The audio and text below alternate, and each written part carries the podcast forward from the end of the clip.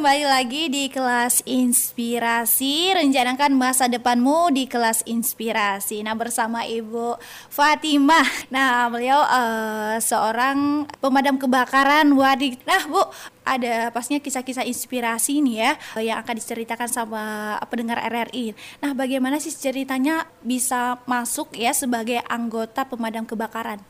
Iya, untuk awalnya Bu Evi ya, memang mm -hmm. saya masuk ke dinas pemadam kebakaran itu memang atas permintaan saya sendiri. Karena kan pada tahun awal pembentukan dinas itu uh, yang saya dengar adalah kantornya di di dalam kota ya, di dalam kota mm -hmm. Ranai dan pada saat itu saya masih punya anak-anak yang sekolah di bawah kelas 2 SD segala macam. Jadi iya. yang pada saat itu saya posisinya di kantor Bupati Natuna ya di Bukit Arai ya. Mm -hmm. Jadi karena saya harus mengurus anak bolak-balik tiga kali sehari setiap harinya itu uh, pas anak yang ketiga ini sekolah ya. Jadi saya merasa sangat uh, sangat lelah lah gitu setiap hari sepanjang sepanjang minggu sepanjang bulan seperti itu. Jadi pas uh, kebetulan waktu itu kepala dinas itu kepala bagian saya gitu.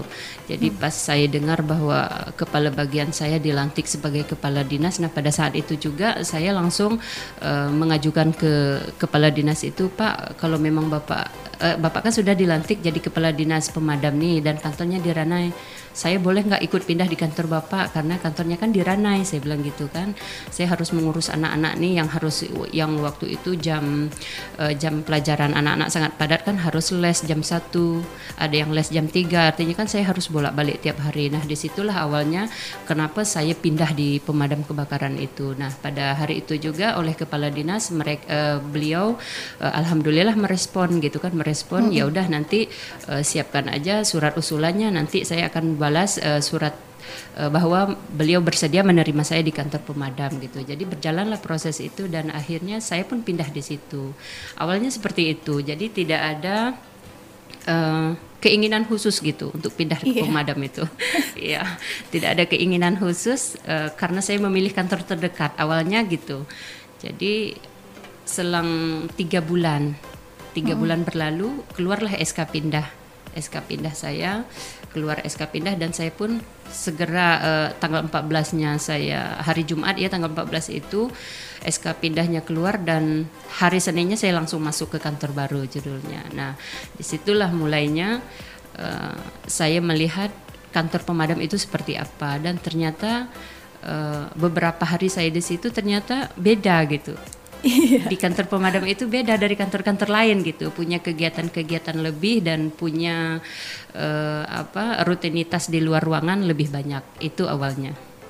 Nah, Bu uh, kan pindah nih kan. Nah, kepala dinasnya kasih masukan ke Bu udah membayangkan belum uh, menjadi anggota pemadam gitu. Karena kan seorang wanita, apalagi iya. ibu rumah tangga ya. Iya. Saat itu belum karena kan sama-sama baru judulnya kan. Iya, iya sama-sama baru. Kepala dinas saya pun baru dilantik waktu itu kan. Hmm. baru dilantik sebagai kepala dinas. Mungkin beliau juga baru kan. Baru. Hmm. istilahnya asing kalau kita baru masuk di situ gitu.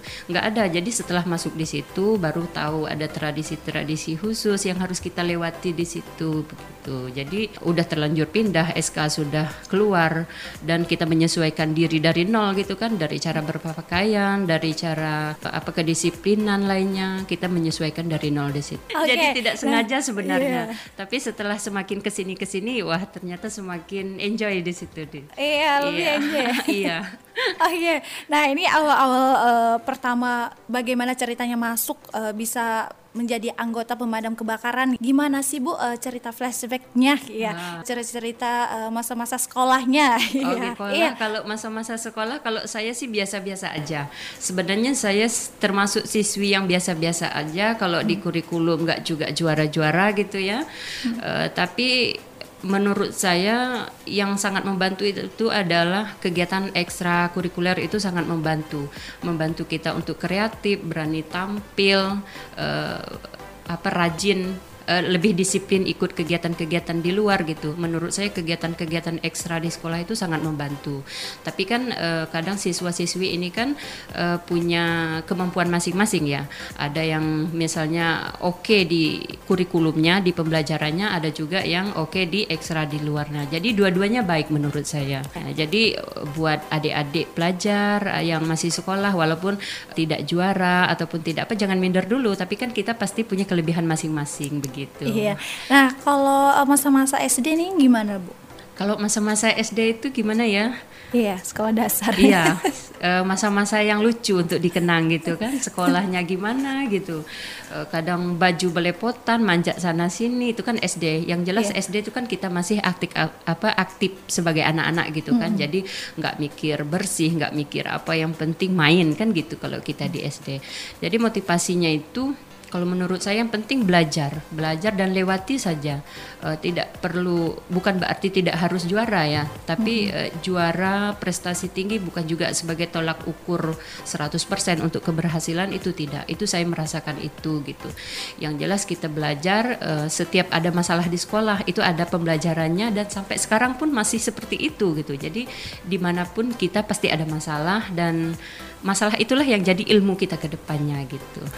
saya walaupun perempuan memang dari SD itu aktif aktif di luar gitu aktif di luar jadi kalau belajar belajar kelompok ya udah kasih kasih ke kawan aja tugasnya biar kami di luar gitu cari makanan nanti kita makan bareng kan tugasnya selesai juga gitu malah saya dulu jadi kalau ingat teman-teman SD itu lucu gitu Iya, nah ini masa-masa SD bu. Uh, iya. Kalau udah masa-masa SLTA ya, mm -hmm. pastinya udah mulai mau iya. cari jati diri ya gimana iya, nih ceritanya kalau sudah di kalau saya uh, habis SD itu di MTS ya. Hmm. Saya SD di Singgang Bulan, hmm. Uh, Singgang Bulan ya Desa Cemaga Utara. Iya. Uh, terus MTS-nya juga di MTS Singgang Bulan itu guru-gurunya saya semua di sana. Uh, di SD Singgang Bulan juga itu guru-gurunya saya semua di sana.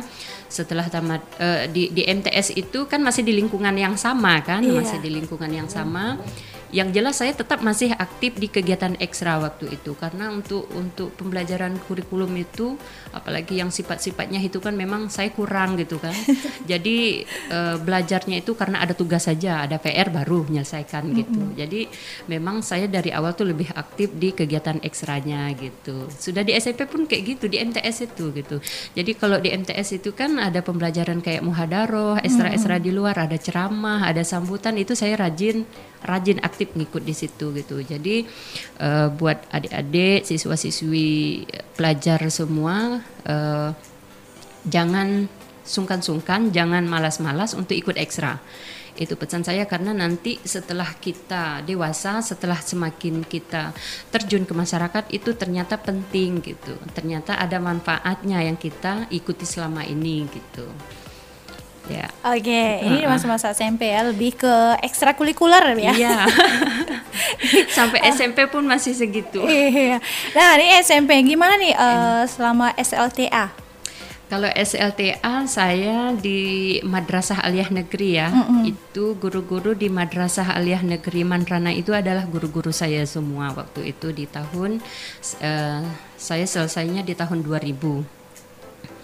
Setelah di MAN itu saya lebih ke fokus ekstra olahraga. Olahraga seperti bola voli itu tanding antar sekolah segala macam.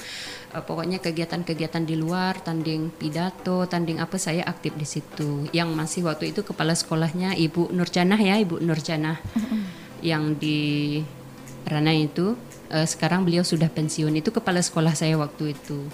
Jadi iya. saya memang aktif. Jadi uh, ketika jam sekolah tidak ada ataupun hari Sabtu Minggu libur saya malah uh, ke tempat ibu itu kepala sekolah itu kan cari kerjaan hmm. lah judulnya di situ cari kerjaan. Bu yeah. kami perlu duit gini gini gini kan.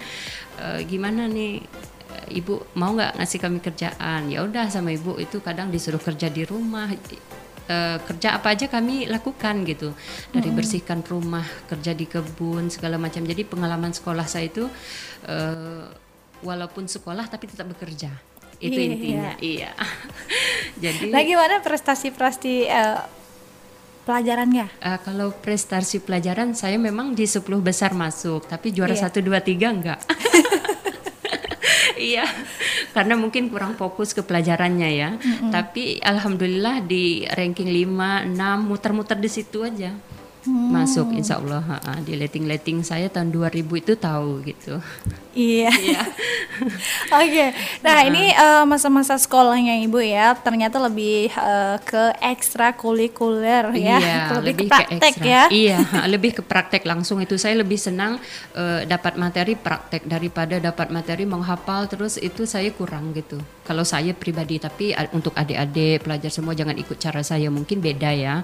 Iya. Setiap tahun cara belajar, kurikulum segala macam kan beda. Cara hmm. belajarnya beda, tidak bisa kita samakan juga di tahun-tahun tahun sebelumnya gitu kan. Tapi kalau saya lebih senang uh, dapat teori praktek. Bagi saya lebih memahami. Uh, gimana nih masa-masa kuliahnya, Bu?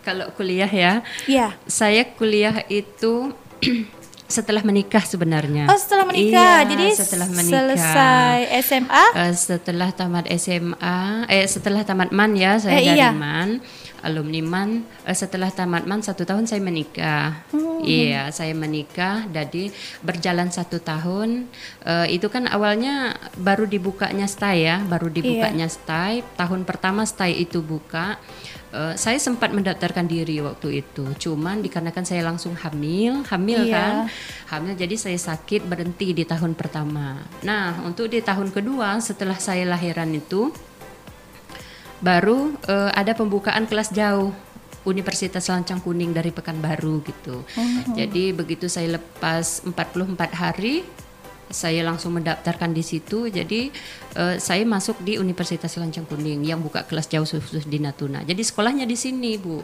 Oh, Bu sekolahnya di ya, sini. sekolahnya di sini, tapi kita uh, untuk penomoran registrasi segala macam tetap uh, sama dengan yang di Pekanbaru. Hanya sekolahnya saja di sini waktu itu. Jadi intinya kalau kita mau niat kuliah itu nggak mesti tamat tamat sekolah yeah. langsung kuliah maksudnya ya yeah. bisa juga kita misalnya bekerja mencari yeah. dulu kan istilahnya kan kalau kita sekolah pasti butuh uang ya pasti yeah, butuh bener. uang untuk biaya sekolah kita jadi buat eh, teman-teman atau adik-adik anak-anak siswa-siswi semua yang misalnya sempat putus sekolah ya sempat mm -hmm. putus sekolah tahun kemarin belum kuliah masih ada kesempatan karena kan yang baru tamat otomatis umurnya masih baru ya iya. masih baru jadi saya aja kuliah itu setelah menikah karena memang cita-cita itu pengen kuliah gitu pengen kuliah memang cita-citanya tapi dikarenakan suatu dan lain hal kan saya yeah. harus saya menikah dan setelah ada pendaftaran itu saya langsung ikut mendaftarkan gitu kuliah uh, sambil kerja, eh, kerja sambil kuliah ya. Iya. kerja sambil setelah kuliah. itu saya di tahun 2003 itu saya masuk honor, hmm. honor, honor di kantor bupati ya, yang kantornya masih di depan kantor BPD sekarang iya. ya. Waktu itu saya honor kantornya masih di situ. Uh, saya honor sekitar tiga bulan, jadi mendaftarkan diri untuk kuliah, jadi sambil bekerja sambil kuliah waktu itu, sambil punya anak juga. Oh saya iya. punya anak ya, nah iya. uh, kan sambil bekerja, mm-hmm. sambil kuliah, sambil uh, menjaga anak ini gimana iya. mengatur waktunya? Karena iya. kerja kan lama juga. Iya, nih. kalau bekerja kan dulu jam kerja kita kan jam 7.30 ya, jam 7.30 pagi sampai jam 2 siang, sampai jam 2 oh, siang. Iya. Terus uh, kalau kuliah itu kalau kuliah itu kan jam 3 sore setelah asar ya, kadang kalau pas dosennya datang uh, sini sampai dua dosen kita masuknya sampai malam sampai jam 10 malam tiap datang dosen ke Natuna gitu kan uh, jadi kalau anak alhamdulillah saya kan masih punya orang tua mm -hmm. waktu itu saya masih punya orang tua dan anak saya saya uh, titipkan ke mama gitu kan mm -hmm. untuk tinggal waktu saya pergi gitu kalau uh, rumah kan di sekitar Ranai juga, jadi pas yeah. kerja siang bisa pulang menyusui gitu. Jadi memang padat-padat waktu memang. iya, iya. Karena di antara sebagai ibu rumah tangga, sebagai iya. karyawan juga ya, iya. ya, sebagai mahasiswi harus menyelesaikan tugas juga waktu itu. Iya. Nah, jadi ada waktu-waktunya kan memang kalau kita kuliah kan tidak seperti sekolah biasa ya tiap mm -hmm. hari menyelesaikan tugas. Jadi pas uh, dosen itu datang masing-masing dosen itu kan menyiapkan tugas untuk untuk kita ya hmm. menyelesaikan tugas itu misalnya ada waktunya malam setelah anak tidur saya keluar ke tempat kawan menyelesaikan tugas gitu alhamdulillahnya teman-teman semua waktu itu letting kuliah ya alhamdulillah bekerja sama Jadi menyelesaikan tugas itu tidak misalnya satunya selesai satunya nggak ambil tahu nggak gitu. Jadi mereka kalau selesai harus selesai semua. Jadi enaknya di situ waktu itu. Jadi kekompakan itu sesama letting itu ada gitu. Iya, berarti ada kerjasamanya iya. ya. jadi alhamdulillah selesai semua. Oke, nah jadi pendengar RRI ya sebelum kita dengarkan kembali ya eh, kisah-kisah inspirasi dari uh, Ibu Fatimah, seorang pemadam kebakaran wanita ya. Iya.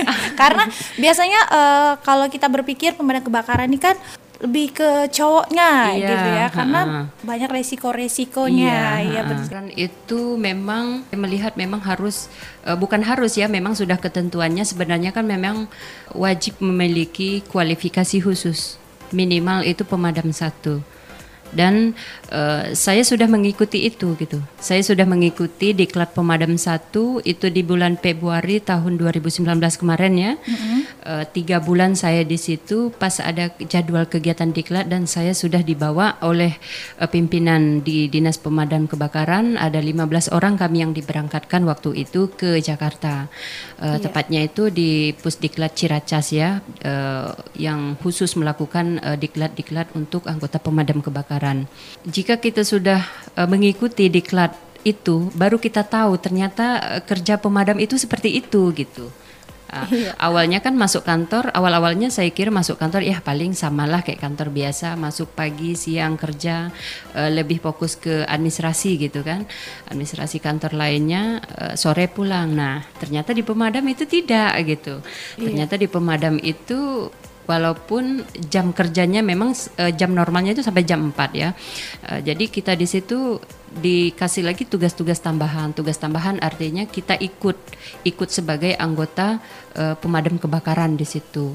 Nah, ketika sudah melakukan kegiatan diklat pemadam itu uh, jadi ilmu-ilmu yang saya dapatkan selama di Ciracas itu memang ternyata luar biasa dan uh, tidak dibedakan Bu Evi tidak di uh, mm-hmm. tidak dibedakan uh, perempuan dan laki-laki jadi kita di lapangan diperlakukan sama diperlakukan sama pas praktek-praktek lapangan itu cara megang nozzle selang selang yeah. untuk uh, untuk nyemprot itu ya Pegang itu memang uh, kadang cewek yang ditaruh di depan, kadang di belakang memang kita diganti di situ kan. Jadi di posisi apa pun kita harus bisa waktu itu. Kita harus bisa. Jadi uh, untuk Dinas Pemadam Kebakaran Kabupaten Natuna itu tiga orang kemarin cewek termasuk saya. Iya. Yang dikirim ke Ciracas. Nah kami benar-benar ikut seperti laki-laki masuk ke smoke chamber segala macam itu ruangan yang uh, tertutup rapat tanpa ada cahaya dan di dalamnya dipenuhi asap. Nah, bagaimana cara kita menyelamatkan diri di dalam situ? Nah, di situ memang ada pembelajarannya dan di di sana itu memang diperlakukan sama harus uh, bisa menggunakan tabung oksigen buat masuk ke lokasi seperti itu kan. Uh, jadi di situ ada pembelajaran-pembelajaran yang menurut saya tidak ada di kantor lain gitu. Iya, itu uniknya. Jadi iya. uh, yang kedua yang paling berkesan itu kita harus bisa menyelamatkan diri dari ketinggian. Nah, mm-hmm. misalnya ada kebakaran e, bangunan gedung yang posisinya tinggi. Nah, bagaimana kita setidaknya bisa menyelamatkan diri? Misinya kan seperti itu, Bu Epi. Jadi yeah. e, kita harus berani, berani turun dari ketinggian dari atas ke bawah dengan menggunakan tali dan peralatan uh, yang memang sesuai SOP-nya ya, sesuai standarnya. Nah, di situ kami bertiga perempuan alhamdulillah bisa melakukan itu. Dari uh, gedung lantai 9 ya, lantai 9 ke bawah meluncur menggunakan uh, tali dan karabiner yang memang alatnya sudah sesuai standar. Dan di situ kita dituntut setidaknya bisa menyelamatkan diri sendiri. Kondisi apa pun kita harus turun, itu intinya. Jadi benar-benar kita di situ diperlakukan sama seperti laki-laki. Nah, jadi maksud saya bagi kawan-kawan semua ataupun eh, kawan-kawan yang pengen pindah ke pemadam lah misalnya. Iya, apalagi betul, untuk sahabat-sahabat pelajar ya. Iya, apalagi adik-adik pelajar yang memang oh pengen tahu gimana pemadam kebakaran, itu nggak masalah lewati saja dulu pendidikannya karena kan untuk masuk ke situ nanti akan ada kualifikasi dan kita pasti mengikuti itu. Jadi kalau ditanya dari sekarang mau masuk pemadam itu gimana? Yang nggak gimana-gimana setelah masuk baru nanti kita uh, akan ada pendidikannya gitu. kalaupun misal nanti ke depannya sebelum masuk pemadam itu akan ditentukan kualifikasi khusus ya berarti itu uh, akan lebih baik gitu. Begitu masuk di pemadam artinya mereka sudah bisa bekerja gitu. Iya, nah ini uh, cerita-cerita tentang uh, bagaimana pelatihan, uh, bagaimana menjadi pemadam uh, kebakaran, yang uh, ya, iya. kebakaran yang profesional ya. Hmm. Nah, kan sebagai seorang wanita ya punya anak ya, ibu rumah tangga. Iya. nah, tetap uh, disandingkan lagi ya. Karena iya. inspirasi juga ya. Iya, buat ibu-ibu lain. Iya, iya, jadi tidak hanya terpaku di rumah saja ya. Iya. Ternyata pemadam kebakaran ini bisa seorang wanita. Ya. Iya. Ya. Nah, kan selain malam, selain siang juga ada malamnya. Malam, iya. iya, apalagi kebakaran ini kalau iya. ya pastinya penuh resiko ya. Iya, nah, gimana nih mengantisipasinya, Bu? Karena ketika dipanggil bertugas, hmm. nah Ya, gini, kalau kami di pemadam itu kan walaupun cewek-cewek kalau misalnya keba kalau di Natuna kan memang jarang ya ada kebakaran besar. Tapi kan pernah ada kebakaran-kebakaran malam misalnya kan mm-hmm. ataupun kebakaran-kebakaran siang yang memang pada waktu itu bukan piket kita misalnya. Nah, ketika kita mendengar panggilan ada kebakaran itu secara spontanitas kita pasti akan datang Bu Epi. Mm-hmm. Nah, pasti akan datang panggilan jiwa kita pasti ingin menolong gitu. Walaupun posisi di rumah, saya sering di rumah kalau misalnya pas di rumah ditelepon misalnya kawan-kawan bahwa ada Jaya 65, Jaya 65 itu kodenya ada kebakaran gitu ya. Hmm. Ada kebakaran di lokasi ini saya langsung meluncur gitu langsung meluncur ke lokasi dan uh, menurut saya itu sudah panggilan jiwa walaupun bukan di jadwal piket kita. Kalau misalnya kita pas ada di tempat, insya Allah pasti iya. datang. Begitu juga anggota-anggota lain yang memang luar biasa. Panggilan jiwanya buat anggota pemadam menurut saya luar biasa. Berarti Kalo, ada kebanggaan tersendiri. Iya, ya? ada kebanggaan tersendiri bisa membantu menyelamatkan korban, isinya korban lah yang uh, yang terkena musibah kan. Jika kita tolong bisa memadamkan api, artinya kan kita bisa membantu menyelamatkan. Uh, jadi misi penyelamatan kita adalah menyelamatkan jiwa. Itu misi utamanya. Apa pun resikonya kita tetap uh, mengutamakan keselamatan jiwa masyarakat dan anggota kita gitu. Nah, pernah Kak Sibu uh, berjumpa uh, atau menemui uh, kebakaran yang cukup serius ya untuk daerah uh, Natuna atau di Ranai sendiri nih yang pernah Ibu tangani secara langsung? Kalau yang paling saya anggap kebakaran luar biasa kemarin terakhir di Binjai ya yang baru-baru ini sebelum puasa. Mm -hmm. Sebelum bulan puasa kemarin itu menjelang seminggu ya, seminggu apa dua minggu sebelum puasa kemarin kan ada kebakaran besar ya di daerah Binjai sehingga api itu sudah sampai ke pemukiman masyarakat yang di Binjai itu. Yeah, yeah. Nah di situ pas hari itu saya yang piket, saya piket dan saya ikut semuanya ikut mobil uh, pas ada telepon ke sana, kami langsung meluncur ke sana. Sampai di lokasi itu memang sudah asap tebal di sekeliling jalan pun uh, mobil mau lewat pun sudah asap tebal tapi tetap kami lewat. Yang penting tidak panas kan. Kalau hanya asap masih bisa kita lewat. Jadi pas sampai di lapangan itu memang kondisi rumah itu sudah terkepung api, sudah terkepung api dan asapnya sangat tebal sudah masuk ke rumah semua. Dan e, rumah salah ada salah satu rumah warga di situ waktu itu ada yang sakit di dalamnya. Ada yang sakit dan tidak bisa bangun Nah, saat rumah itu sudah dipenuhi asap kan, uh, jadi kami ibu-ibu ini menyelamatkan orang itu dulu. Kami angkat, uh, diangkat dibantu warga ya, warga sangat sangat aktif ya. Ketika ada kebakaran, uh, warga masyarakat Natuna alhamdulillah sangat proaktif membantu kami gitu ya. Kita selamatkan dulu, kita keluarkan orang yang sakit, bawa ke tempat yang lebih tenang gitu, bawa ke tempat yang lebih bersih dari asap gitu kan. Nah, sementara uh, di sekeliling rumah warga itu sudah terkepung api. Cuman waktu itu kondisi angin kencang uh, juga mobil yang bergerak itu baru satu waktu itu disep, uh, mau disemprotkan pun uh, tidak terjangkau artinya hmm. kan apinya lebih besar kan kondisi yeah. hutan di sekitar Binjai kan uh, lebih besar hutannya kondisi api sudah terkepung uh, jadi uh, waktu itu komandan regunya ambil keputusan bahwa jangan nyemprot dulu dan alhamdulillah juga di sekitar pemukiman itu ternyata bersih. Jadi walaupun terkepung api, sekeliling rumah itu nggak ada rumput. Kalau misalnya rumput sampai ke samping rumah, memang e, sampai ke rumah kebakarannya. Jadi api itu padam dengan sendirinya di, di bawah angin kan sekeliling rumah itu bersih sehingga api itu tidak sampai ke rumah gitu. Tapi kondisi asapnya memang sudah sangat parah waktu itu. Itu sehingga kami pun pernapasan kami pun sudah ngos-ngosan semua keluar hmm. dari lingkungan asap. Kami cari uh, udara di luar kan karena uh, kalau di asap tubuh Epi kita nggak bisa bertahan lama. Soalnya yeah. kan kita menghirup udara kotor kan, asap. Jadi kita tetap menyelamatkan diri dulu. Yang penting warga yang ada di dalam sudah kami keluarkan gitu. Itu yang paling parah yang saya temui. Soalnya kemarin pernah juga yang kebakaran di Penagi ya waktu mm -hmm. itu karena saya nggak ikut itu. Oh, iya. iya. Nah Bu, uh, tadi kan bercerita nih uh, menjadi seorang pemadam yang harus siap siaga. Nah terkadang ada hambatan tersendiri nggak sih? Kalau hambatan, kalau menurut saya selama ini nggak ada ya iya. nggak ada ya karena uh, sistem kerja kami uh, di di dinas pemadam lah itu kan ada operator komunikasi kebakarannya. Hmm. Nah, di situ mereka bertugas selama 24 jam ya. Itu iya. ada rollingnya terus, ada ganti sipnya terus. Jadi ketika ada pengaduan, nah sang operator ini kan akan langsung menyampaikan ke komandan regu yang bertugas pada hari itu pada jam itu gitu untuk respon tem itu selagi mobil itu beroperasi menurut saya nggak ada masalah Bu Evi. Ya, iya. begitu ada panggilan, ada telepon minta bantuan, kita langsung eh, biasanya tuh pas respon kurang dari lima menit kita sudah bergerak ke lokasi gitu. Gak ada hambatan menurut saya sih. iya. Nah, ibu kan uh, sebagai ibu rumah tangga, gimana nih ya respon keluarga nih? Uh, Karena pasti khawatir juga nih. Iya, kalau respon keluarga terutama mama ya, mama saya.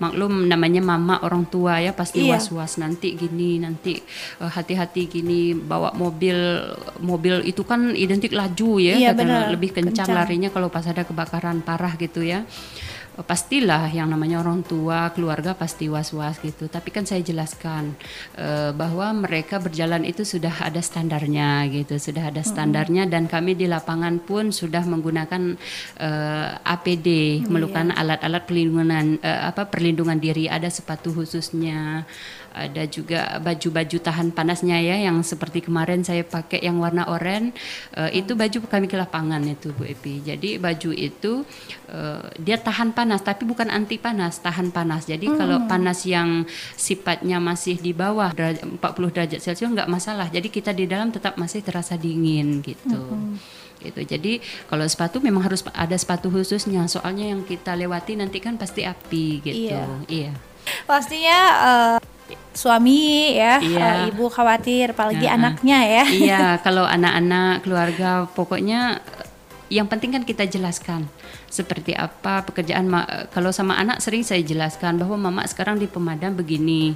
Kalau misalnya malam mama nggak ada paling tinggalkan pesan bahwa mama uh, ada kejadian kebakaran harus ikut orang ke sini ke sini gitu. Pasti lingkungannya di lingkungan kerja aja gitu. Jadi alhamdulillah mereka uh, sangat mengerti gitu dengan uh, selama saya di dinas pemadam kebakaran gitu. Ada hal-hal ya atau pernah mengalami uh, kelelahan gitu bu. Merasa jadi pemadam kebakaran nih. Ada nggak di titik itu? Ada. Lelahnya kalau pas habis madam api aja bu. Kalau habis madamkan api itu kan memang kalau uh, di api besar kebakaran besar itu paling lama satu jam atau dua jam habis tenaga paling lelah gitu kan pasti kita kan ganti anggota. Iya. Jadi yang merasa sudah tidak kuat mundur, yang lain maju. Makanya anggota pemadam itu butuh anggota ramai sih sebenarnya. Mm-hmm. Cuman sekarang kan di pemadam itu masih uh, anggota-anggota yang di pos jaga itu masih pegawai tidak tetap dan anggota-anggota lainnya kan yang PNS-nya uh, eh, juga baru hanya beberapa orang saja gitu. Jadi kalau masalah lelah ya yeah. lelah gitu yeah. kan iya. namanya api, iya. asap. Yeah. Kita harus tarik-tarik selang ke lokasi, mm. harus ganti selang, harus sambung selang, bolak-balik, harus selesai se uh, arah kanan kembali ke arah kiri dan anggota-anggota pemadam itu menurut saya luar biasa gitu. Tapi tetap bekerja gitu. Itulah yeah. salutnya anggota uh, pemadam. Oke, okay, iya. jadi motivasinya ya kembali harus bekerja yeah, ya, Bu. harus bekerja. kalau di pemadam kalau udah lihat api itu sebenarnya sebenarnya itu misi kita gitu. Kita harus hmm. padamkan. Jadi kalau ngelihat api itu seolah-olah itu jadi pekerjaan kami gitu. Hmm. Panggilan jiwanya itu memang betul-betul luar biasa terasa kalau di pemadam dan kalau lelah secapek-capek apa pun setelah selesai pulang tetap enjoy lagi dengan kawan-kawan asik lagi bercanda. Jadi lelah itu uh, hilang gitu dengan canda-canda mereka. Pokoknya asik sama anggota-anggota pemadam itu orangnya harus apa ya? Harus bahagia terus. Bahagia terus pokoknya pulang bercanda-bercanda hilang capek. Yang penting makan aja. Anggota pemadam memang ternyata butuh makan Bu Epi. iya, kalau ke lapangan satu jam saja masuk hutan dengan beban api dengan asap yang sangat mengepul, pokoknya kami butuh makan itu aja. Nah mungkin iya. ada slogan sendiri uh, bersama teman-teman ya. Uh sebagai uh, motivasi diri ya sebagai penyemangat ada iya, sih bu? Ada sih. Slogan kita kan memang pantang pulang sebelum api padam iya. itu tertanam. Iya, itu sudah tertanam. Jadi kalau belum padam artinya kami belum berhasil. Selagi terjangkau, selagi terjangkau itu pasti kami masuk ke lokasi kecuali memang tidak ada akses jalannya ataupun uh, jalan selang itu tidak sampai. Sampai baru kami izin atau pamit ke masyarakat sekitar bahwa ini lokasi uh, tidak bisa kita jangkau gitu. Kita sampaikan biasanya kan ada kepala desa, uh, terus ada juga uh, babinsa-babinsa ya, babinsa-babinsa di tiap kecamatan itu ada. Nah, ketika ada kebakaran ini sangat aktif gitu. Jadi uh, seperti di wilayah Kecamatan Bunguran Selatan, di wilayah ini Sungai Ulu ya, Sungai Ulu, Binjai, itu babinsa-babinsanya luar biasa. Termasuk juga ini di sebelah apa? Kecamatan Bunguran Timur, Timur Laut. Laut. Nah, iya. ketika ada kebakaran, yang pertama kami jumpai orang ini sudah ada di lapangan gitu. Apa nih uh, harapan atau keinginan ya untuk kemajuan kabupaten? Keinginan saya uh, karena saya di lapangan ya, mm -mm. maksudnya kita anggota di lapangan ini karena masih banyak anggota-anggota saya anggota-anggota kita ya anggota-anggota yeah. anggota kawan-kawan saya yang anggota-anggota pejuang lapangan itu mereka kan masih PTT masih PTT dan tenaga-tenaga honorer lainnya gitu kan uh, Semoga ke depan mereka-mereka ini pejuang-pejuang lapangan ini uh, secepatnya bisa menjadi PNS seperti kami gitu. Karena mereka adalah pejuang-pejuang lapangan yang luar biasa menurut saya. Nah, motivasinya untuk uh, kabupaten. Kalau untuk generasi muda nih Iya, iya. kalau untuk generasi muda ya buat iya. uh, adik-adik sekolah ya, uh, khusus siswa-siswi di mana pun saja berada, khususnya siswa-siswi yang berada di Kabupaten Natuna ya, uh, tetap semangat belajar, apa pun itu lewati saja. Lewati saja, lakukan saja, nanti suatu saat pasti akan ada kebaikan setelah itu gitu. Uh, jadi jangan pernah menyerah untuk belajar, jangan pernah berpikir untuk berhenti sekolah karena apa pun pekerjaan tetap dasarnya itu kan dari uh, ijazah ya, tetap mm -hmm. harus ada tamatan apa, tamatan apa, apalagi sekarang untuk penerimaan-penerimaan kan kita eh, rata-rata uh, di strata satu ya, strata mm -hmm. satu untuk penerimaan. Jadi harapan saya uh, untuk adik-adik semua semua siswa-siswi di Kabupaten Natuna sekolah lah. Sekolah selesaikan pendidikan apalagi di Natuna sekarang kan kita sudah ada perguruan tinggi. Iya. Jadi uh, tidak ada alasan untuk tidak sekolah. Itu menurut saya Bu Epi. Oke, nah jadi inspirasi untuk anak-anak muda ya bahwa uh, mencapai uh, mencari ilmu sebanyak-banyak ya Bu ya. Sebanyak-banyaknya, seluas-luasnya di mana pun karena gini Bu Epi, uh, kadang kita sekolah rencana awal kita sekolah seperti hmm. ini. Itu kan ke depannya kita nggak pernah tahu takdir kita itu iya. seperti apa. Kita tidak pernah tahu rencana jadi guru tahu-tahu jadi pemadam contohnya saya gitu kan. Oh berarti jadi, uh, awalnya cita-citanya iya dulu menjadi saya uh, cita-cita awal tuh paling pengen tuh jadi guru. Jadi guru tuh paling senang kalau uh, pas apa nyampaikan pelajaran tuh diikutin sama anak-anak. Itu paling suka dulu saya. Jadi cita-cita tuh pengen jadi guru. Sempat juga saya honor jadi guru dulu di MTS MTSDU Ranai dulu kan hmm. dua tahun saya di situ. Sebelum honor di uh, dinas eh, di Pemda. Gitu. Memang cita-cita awal seperti itu. Jadi kita tetap harus bisa melaksanakan tugas di kondisi apa pun, di mana pun. Kan kita nggak tahu ke depan kita nanti akan uh, diposisikan di mana, uh, bekerja sebagai apa, kan nggak tahu. Namanya PNS juga kan bisa ditempatkan di mana saja gitu. Kalau sekarang saya di pemadam nggak tahu ke depan nanti di mana. Jadi artinya kita harus tetap bisa menyesuaikan diri ya menyesuaikan diri di mana pun kita berada menyesuaikan. Seperti saya menyesuaikan di uh, kantor dinas pemadam ini. Kalau awal-awal masuk memang aneh. Saya harus bersepatu sepatu boot seperti sepatu TNI harus berpakaian baju masuk ke dalam harus berpakaian kopel harus berpakaian baret itu kan aneh kalau awal-awalnya. Tapi pelan-pelan menyesuaikan diri alhamdulillah bisa gitu. Oke Bu, itu tadi kisah inspirasi ya uh, seorang pemadam kebakaran di Natuna. Nah, jadi tentunya untuk uh, siswa-siswi juga sahabat-sahabat pelajar dan juga masyarakat Natuna ya. Yeah. Nah, bagaimana menjadi seorang uh, pemadam kebakaran itu sendiri. Yeah. Ya. Oke Bu, terima kasih memberikan uh, inspirasinya nih di pagi hari ini untuk pendengar dan juga uh, siswa-siswi. Nah, sampai di sini kebersamaan kita di kelas inspirasi rencana masa depanmu di kelas inspirasi. Nah, Epi pamit dan juga Ibu Fatima. Iya, ya. kebersamaan untuk hari ini.